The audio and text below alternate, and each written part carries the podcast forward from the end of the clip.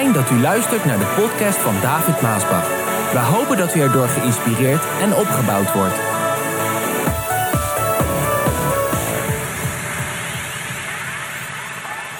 De bediening van helpen.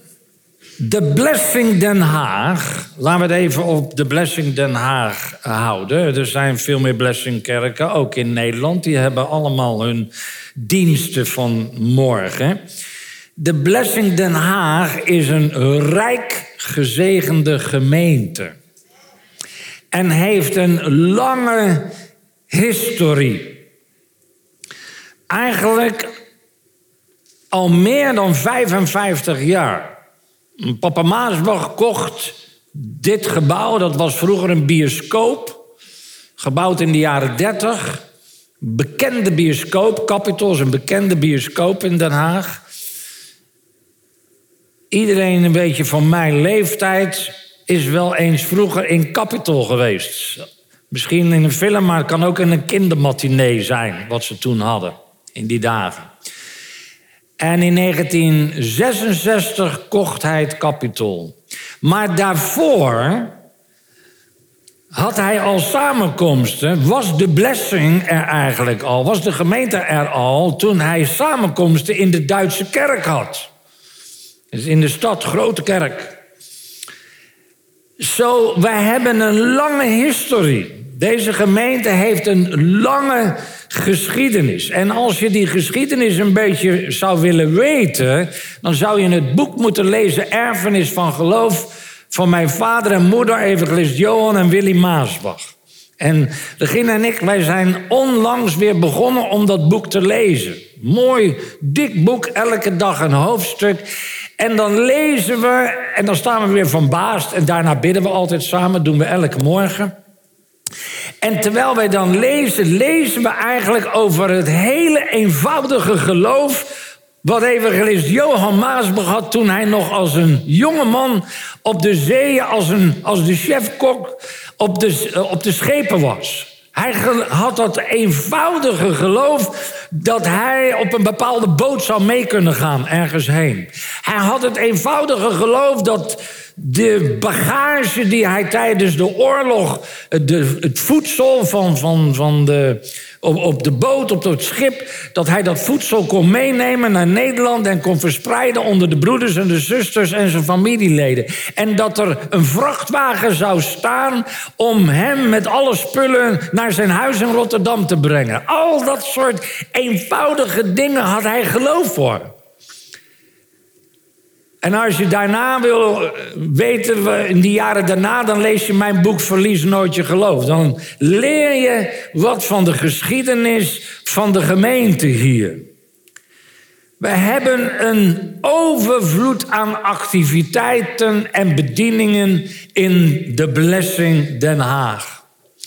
Kinderdiensten, tienerdiensten, jeugddiensten, bidstonden, erediensten, doopdiensten, opdrachtdiensten, bijbelstudies, trouwdiensten, rouwdiensten, begrafenisdiensten, pastorale zorg, nazorg. Er is gelegenheid voor persoonlijk gebed, avondmaal, offeranden, zalven met olie, hoogtijfeesten, evangelisatie, in de stad hier in Den Haag, evangelisatie. Trouwens, we hebben op alle plaatsen evangelisatie. Geweldige evangelisatie. Maar ook hier in de stad, tegenover de HEMA. Prachtige plek. Heerlijke worship hebben we. Muziek, zang, prediking, livestream. Waardoor je de diensten niet hoeft te missen als je misschien een keer niet lekker bent. Of je moet thuis blijven, of je ligt in het ziekenhuis. Ik wou zeggen of je komt in de gevangenis, maar dat lijkt me niet zo goed. Maar ook dan kan je natuurlijk volgen. Als je wat ouder bent en uiteindelijk kan je niet meer komen, zoals mama Maasbach. 94 jaar onlangs geworden. Het gaat goed met haar, maar het is allemaal te veel om nog te komen. Maar ze volgt de diensten via de livestream. Dus als je ouder wordt. Lieve mensen, maak je niet druk. Als je ouder wordt, kun je de diensten via de livestream volgen. Hoef je niks te missen. Er zijn altewerkers, plaatswijzers, begroeters, geluidstechnicus, lichttechnicus, beveiliging, buffet, garderobe, sanitair. Moet ook gebeuren, sanitair, zeg. Als het sanitair niet schoon is gemaakt, zit je op een vieze toilet. Wat fijn dat er broeders en zusters zijn die het sanitair doen. Schoonmakers, opruimers, enzovoort, enzovoort, enzovoort. Al die taken en bedieningen zijn nodig om de gemeente te doen laten groeien en bloeien en sterk te laten zijn. Efeze 4 zegt het zo, vers 11. Christus heeft sommigen aan de gemeente gegeven die apostel zijn, anderen die namens hem spreken. Sommigen die het goede nieuws aan ongelovigen vertellen. evangelisatie zou je ook kunnen zeggen. Anderen die de christenen geestelijk verzorgen, pastorale zorg en altewerkers. En weer anderen die onderwijzen. Met elkaar, hoor je dat? Met elkaar moeten zij de christenen klaarmaken om God te dienen. Zodat de gemeente dat is het lichaam van Christus. En ik hoop dat u dit onthoudt, wat ik nu zeg. De gemeente, ook de Blessing Den Haag, dat is het lichaam van Christus, zal groeien en sterk en volwassen zal worden. Zodat de gemeente, wat het lichaam van Christus is, zal groeien, bloeien, sterk zal zijn en volwassen zal worden. Nou, velen van ons die hebben al reeds een bediening, een taak in de gemeente. Zodat de gemeente kan bloeien en groeien, sterk kan zijn en volwassen kan zijn. En ik zou tegen hen willen zeggen, alsjeblieft blijf dit getrouw doen. Iedereen die hier een of andere taak heeft, wat voor taak, wat voor bediening dan ook, blijf dat alsjeblieft getrouw doen. Zie het als een van de meest kostbare dingen die de Heer aan jou hebt gegeven. En ik sta echt soms verbaasd als sommige mensen naar vertrekken die een prachtige bediening van de Heer hebben gekregen en ook vervuld. En sommigen voor jaren. Ik heb het net gezegd, we hebben het allemaal meegemaakt. En dat ze dan op één of andere reden, wat eigenlijk nooit het woord van God is, waar ze niet mee eens zijn. Maar vaak komt het door luisteren en ontevredenheid. Nou, van het een komt het ander dat ze dan weggaan en eigenlijk hun hele taak en bediening die ze aan de heren, van de Heer hebben gehad en aan de Heer hebben gedaan, dat ze die op één moment gewoon droppen. Gewoon dumpen, gewoon weggooien, gewoon, gewoon alsof het niks betekent en niks betekend heeft. En ik wil tegen jullie zeggen, iedereen die taken doet, je hebt die bediening van de Heer ontvangen. Je doet het als aan de Heer. Zie het als een van de meest kostbare dingen die de Heer je heeft gegeven. Echt waar. En ik hoop dat je dat zal beschermen, die bediening en die taak. Zodat je het ook kan volbrengen. Maar als jij nog geen bediening of taak hebt, en die zijn er ook in de gemeente en de Blessing Den Haag is jouw thuisgemeente. En je komt al zeker een maand of zes. Je hebt het naar je zin. Je ziet dit als je thuisgemeente. Nou, dan wil ik eigenlijk zeggen dat het jouw verantwoording is om ook te gaan helpen in dit gezin in het lichaam van Christus. Want het is een familie, de blessing family. Ik wil dus niet alleen vragen vandaag, zou je alsjeblieft toch ook eens wel wat willen gaan doen? Nee, ik wil je wijzen op jouw verantwoording. Dat als dit jouw thuisgemeente is, waar de Heer je heeft gebracht, Waar je eet en waar je drinkt, geestelijk, elke keer opnieuw. En misschien als je wat jonger bent, dat je kinderen komen en je kinderen die trouwen en laten zich dopen en trouwen en nou, noem maar op. Je maakt gebruik van al die voordelen en benefits en blessing die deze blessing met zich meebrengt, dan is het jouw verantwoording om te helpen in de vele taken en bedieningen die er in deze gemeente zijn. Waarom? Zodat de gemeente zal groeien, bloeien, sterk zal zijn en volwassen zal zijn. Het is wel stil hoor. Maar het wordt nu heel persoonlijk, hè? Ja, echt.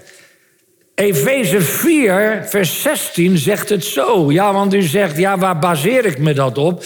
Nou, wat ik net gelezen heb, maar hier staat: door Hem, door Christus, wordt het lichaam, dat is de Blessing Den Haag, het lichaam van Christus, de gemeente, prachtig samengevoegd.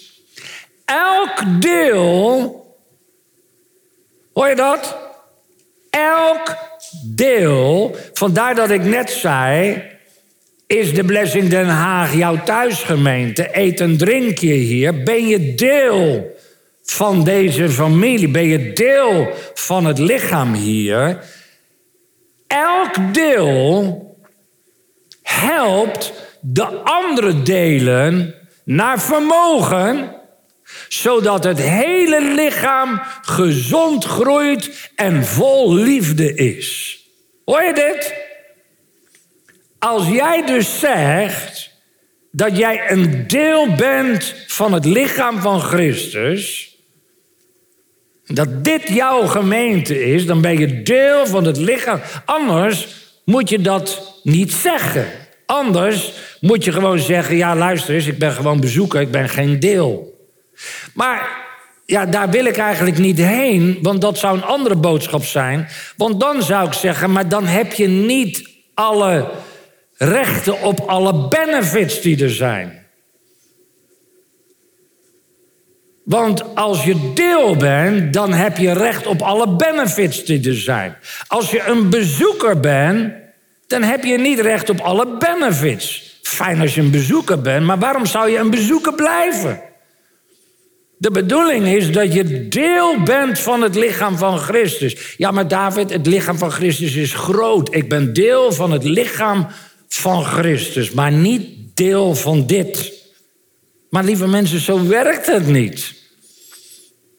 We, vieren toch ook heiligavondmaal? We eten toch ook samen van dat brood? We drinken toch samen van de wijn? Dan zijn we toch deel van elkaar?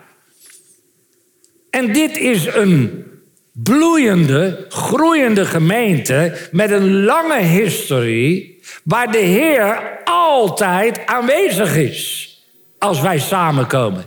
En het heeft heel veel benefits en voordelen. Ik heb u net een lijstje genoemd wat er allemaal gaande is in de gemeente. Zo hier zegt de Efezebrief, Paulus die zegt, en die wist hoe de gemeente in elkaar zat. elk deel, iedereen die dus deel is, die helpt de anderen, die allemaal taken hebben, zodat het lichaam vol is van Gods liefde. Want er zijn vele taken, maar nog altijd te weinig, want de gemeente is groot. En prijs de Heer, we geloven in groei en bloei en dat er nog meer bij zullen gaan komen. En dan hebben we alleen maar meer arbeiders nodig.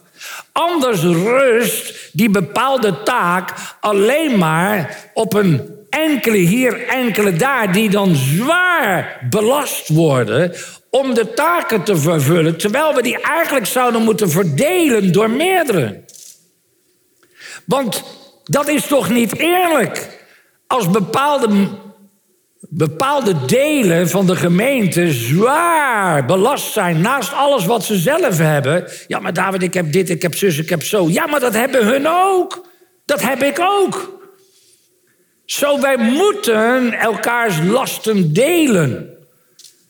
Dat is waar Paulus dus ook voor oproept. Iedereen, niemand uitgezonderd, kan helpen.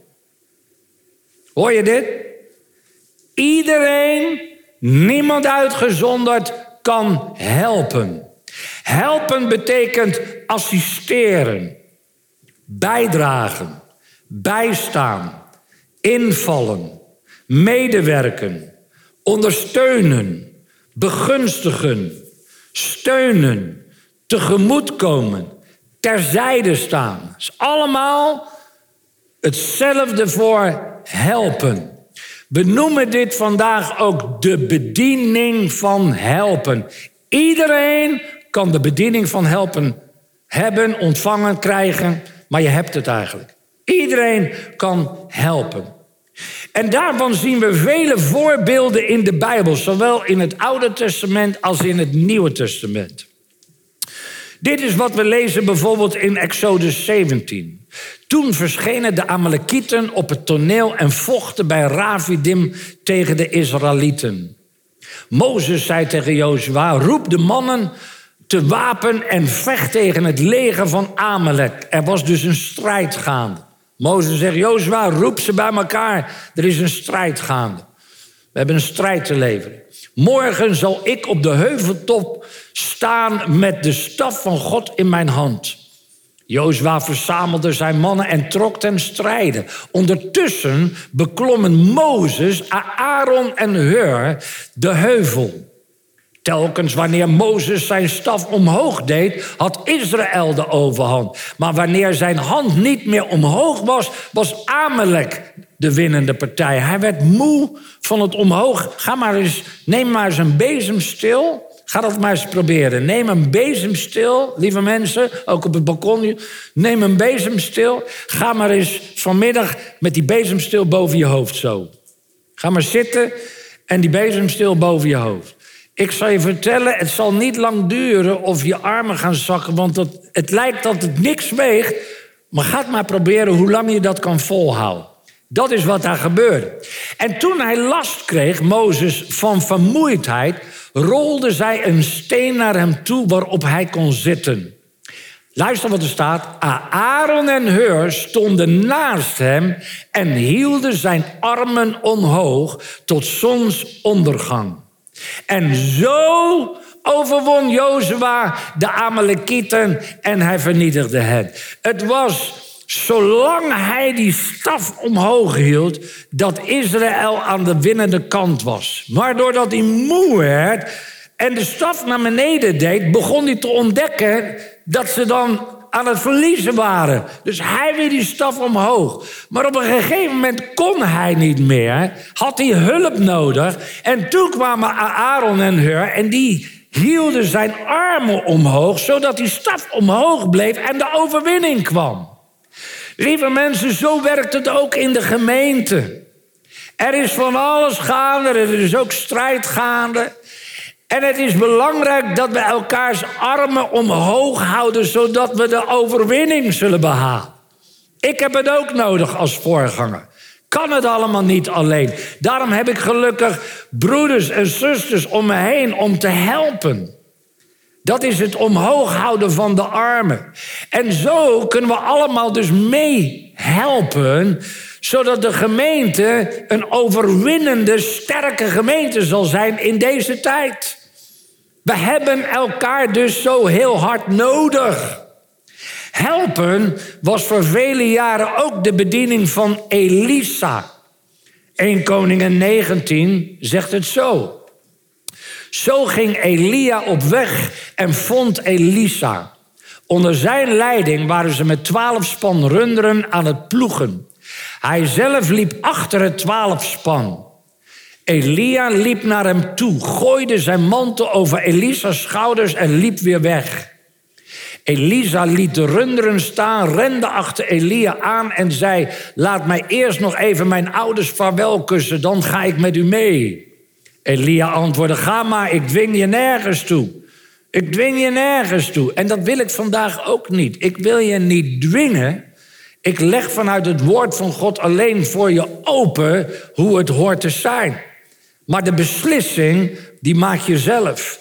Elisa ging terug naar zijn span runderen, doodde ze en gebruikte het hout van de ploeg om het vuur te maken waarop hij de dieren braadde. Hij deelde het vlees uit aan de andere landarbeiders en zij aten het op. Luister, daarna ging hij met Elia mee als zijn helper. En Elisa heeft vele jaren doorgebracht als helper van Elia. Helpen was ook voor vele jaren de bediening van Jozua. Denk aan Mozes. Hij wordt ook de knecht van Mozes genoemd. Mozes was de dienaar van God en Jozua was de knecht van Mozes. Helpen heeft niets te maken met onderdrukking. Helpen heeft niets te maken met slavernij. Helpen is het vrijwillig geven van jezelf uit liefde voor een ander. Hoor je deze zin? Helpen is het dus niet gedwongen, waar we het net over hadden. Nee, helpen doe je uit liefde voor een ander, voor die ander. Maar dat is in Nederland, nou eigenlijk in de wereld, in, maar ook in Nederland, ja, het, het verkoelt allemaal. En, en, men denkt, nou, het gaat allemaal wel. En, en het, als ik maar kom en eet en drink, heerlijk. Oh, hoe was het nou? Fijne dienst en zo. Maar lieve mensen, er komt veel bij kijken. Om een gemeente te laten functioneren. Om een gemeente te doen laten groeien. Om een gemeente sterk te laten zijn. Dat kan niet rusten op een paar pilaartjes. Dat moet rusten op pilaren. En gelukkig hebben we pilaren, maar sommigen zijn misschien moe. Sommigen hebben ook hun eigen problemen, moeilijkheden, zorgen en verdriet en al die dingen meer. En hebben steun nodig. En als het werk verdeeld wordt en iedereen helpt die ander, niet gedwongen, maar uit liefde, omdat je de nood ziet, dan zal de gemeente alleen maar veel beter functioneren en sterk zijn. Dat wil zeggen, je wilt uit liefde voor die anderen al het mogelijke doen om te helpen. Je wil uit liefde voor die ander al het mogelijke doen om te helpen. En dat is precies wat de discipelen ook deden bij Jezus. Komen nou in het Nieuwe Testament. Er zijn veel meer voorbeelden hoor, ook in het Oude Testament, maar nu ook in het Nieuwe Testament. Zij hielden van Jezus. Al de discipelen, zij hielden van Jezus. En zij deden alles uit liefde voor Hem om zijn werk te verlichten. Prachtig. Ze deden dat echt omdat ze van Jezus hielden. Ze volgden hem. En ze deden alles zodat zijn werk, want hij had veel werk. Ach, wat heeft hij veel werk verricht in zijn dagen hier op aarde. Zij hielpen om de gebedsrij in goede banen te leiden. hij had ook gebedsrijen, want er waren soms duizenden mensen. Die kwamen dan samen, dat moest, dat moest begeleid worden. Zij hielpen met het opruimen van de rommel. Ze moesten al die vis en brood uitdelen. Weet je nog? Met de spijziging van die 5000. En met vrouwen en kinderen erbij wel 15.000 mensen. 15.000. Die moesten allemaal eten. En, ze kregen vis en brood wat hij brak. En zij hielpen hem om al die mensen te eten te geven. En daarna moesten ze nog alle rommel opruimen. Het hoort er allemaal bij. Zij hielpen met het klaarzetten van het laatste avondmaal. Zij hielpen ook met de genezing van de zieken en het uitwerpen van de boze. Dat is dat stukje geestelijke taak. Zij hielpen Jezus met alles. Uit liefde voor Hem. En zo behoren wij ook uit liefde voor het lichaam van Christus, de gemeente, horen wij onze taken en bedieningen als aan Hem te blijven vervullen. Bij het ontstaan van de eerste gemeente zien we ook hoe de apostelen helpers aanstelt. We lezen in Handelingen 6, de twaalf apostelen riepen alle ongelovigen bijeen. We kunnen niet alles tegelijk, zeiden zij. Als we het voedsel moeten uitdelen, hebben we geen tijd om erop uit te gaan en Gods boodschap door te geven. Dat lijkt ons niet goed. En daarom willen wij enkele geschikte mannen aanstellen die deze taak van ons kunnen overnemen. Vandaag zou ik zeggen ook vrouwen. Jongens en meisjes, mannen en vrouwen. Kies er zeven uit die goed bekend staan. Wijze, verstandige mannen, vol van de Heilige Geest. Wij zelf zullen al onze tijd besteden aan het bidden en het spreken over Gods boodschap en het onderwijzen. En ze vonden het allemaal een goed voorstel en kozen zeven mannen uit. Stefanus, één man, vol van de Heilige Geest en met groot geloof. Filippus, Prochorus, nou krijg je al die namen. Die vooral, die voordat hij christen werd, al bij de Joodse geloof was overgegaan. De mannen werden aan de apostelen voorgesteld en die baden voor hen en legden hun de handen op. En Gods boodschap kreeg steeds meer bekendheid in Jeruzalem, nam het aantal volgelingen van Jezus sterk toe. Je ziet dat de gemeente groeide en bloeide. En lieve mensen, zo hoort dat ook vandaag te zijn in onze tijd, in de gemeente, hier, waar jij een deel van bent. Vraag, heb jij nog geen taak en bediening in de gemeente? En wil jij dat de gemeente groeit? En wil jij dat de gemeente bloeit, sterk is en volwassen zal zijn? Maar je hebt nog geen taak, geen bediening. Alles wat je doet is eten en drinken. Maar voor de rest nog niets. Wel, dan is deze oproep voor jou. Om jouw verantwoording te nemen en mee te helpen zoals het hoort en zoals de Bijbel ons dat ook leert, hoe een gemeente gebouwd moet worden. Wees ook niet bang. Wees niet bang. God zal jou helpen met jouw taak, wat die taak ook mag zijn. God zal jou helpen. En God gaat je zelfs aanstellen. Want dat doet de Heer ook. Hij geeft de zalving van de geest die bij jouw bediening hoort. Dat hoeft niet alleen bij het preken te zijn of bij het zingen. Het klinkt misschien raar als ik dit zeg, maar het kan zelfs gewoon met stofzuigen zijn. Want je zou eigenlijk zeggen stofzuigen, ja dat kan iedereen. Nou nee, dat kan niet iedereen. Maar de Heer geeft jou de zalving van de Heilige Geest zodat je wel kan stofzuigen. Stofzuigen is ook een vak. Afwassen is een vak. Buffet is een vak. Noem maar op. Maar de Heilige Geest geeft jou de zalving van de Geest, zodat je je taak met blijdschap als aan de Heer kan vervullen. En dat niet even, nee, blijvend. Het is een blijvende blijdschap. Het is een blijvende vreugde in je hart, die je elke keer krijgt, dat je niet kan wachten om je taak aan te vangen, omdat je het voor Hem doet van wie jij zoveel houdt. Dat is belangrijk. Je doet het aan Hem die zoveel van je houdt. En dat, die, dat wordt beantwoord, dan voel je dat. De blijdschap en de vreugde. Eh, het gevaar zit hem altijd daar waar je ontevreden wordt. En als mensen ontevreden worden, dan ga je dezelfde kant op als het volk van Israël. Dat de Heer zorgde voor ze. Elke dag manna, elke dag water, elke dag vlees. En op een gegeven moment zeiden ze: Bah, moeten we weer dat manna eten. Dat was slecht in de ogen van de Heer omdat hij zorgde voor ze. Anders zouden ze omkomen. En hij gaf ze het manna. Maar op een gegeven moment wilden ze dat niet meer. En dat is eigenlijk ook hoe je het werk voor jou als aan de Heer moet zien. Dat je nooit gaat praten zoals zij deden. En dat je op een gegeven moment, hè, bah, moet ik weer die taak doen. Als dat komt, dan komt ontevredenheid.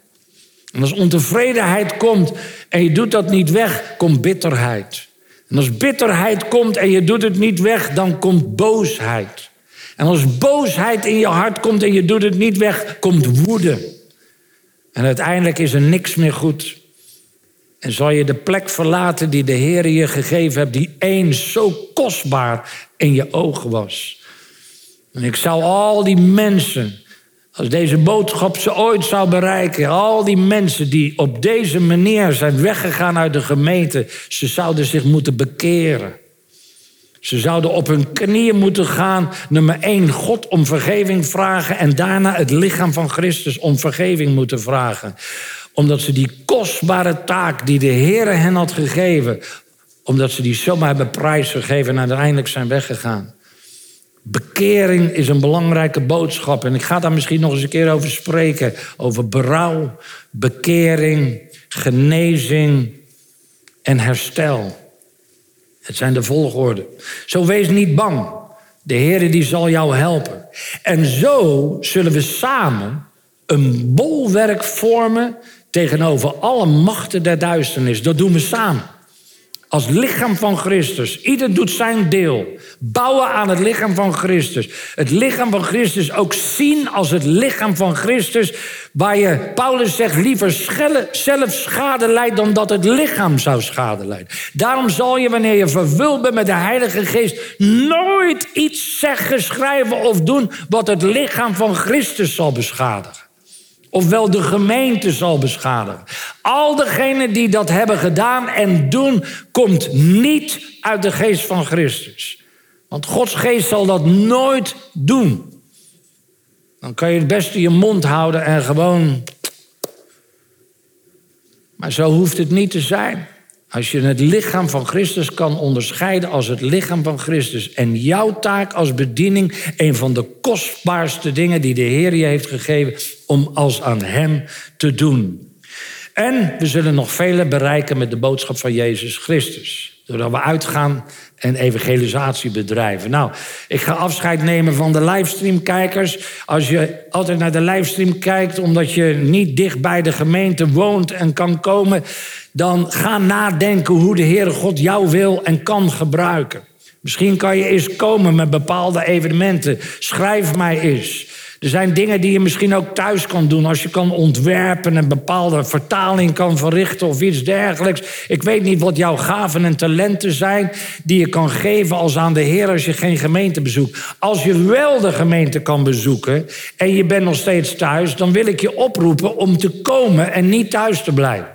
Dan hoor je echt weer op te gaan naar het huis van de Heer. Als je echt niet kan, maar je hebt toch talenten, ga dan bedenken. Ga bidden, ga kijken en ga tijd aan de Heer geven. Door iets voor Hem te doen. En anders dan schrijf je mij maar. God bless you en tot woensdag, livestreamkijkers. Bye bye.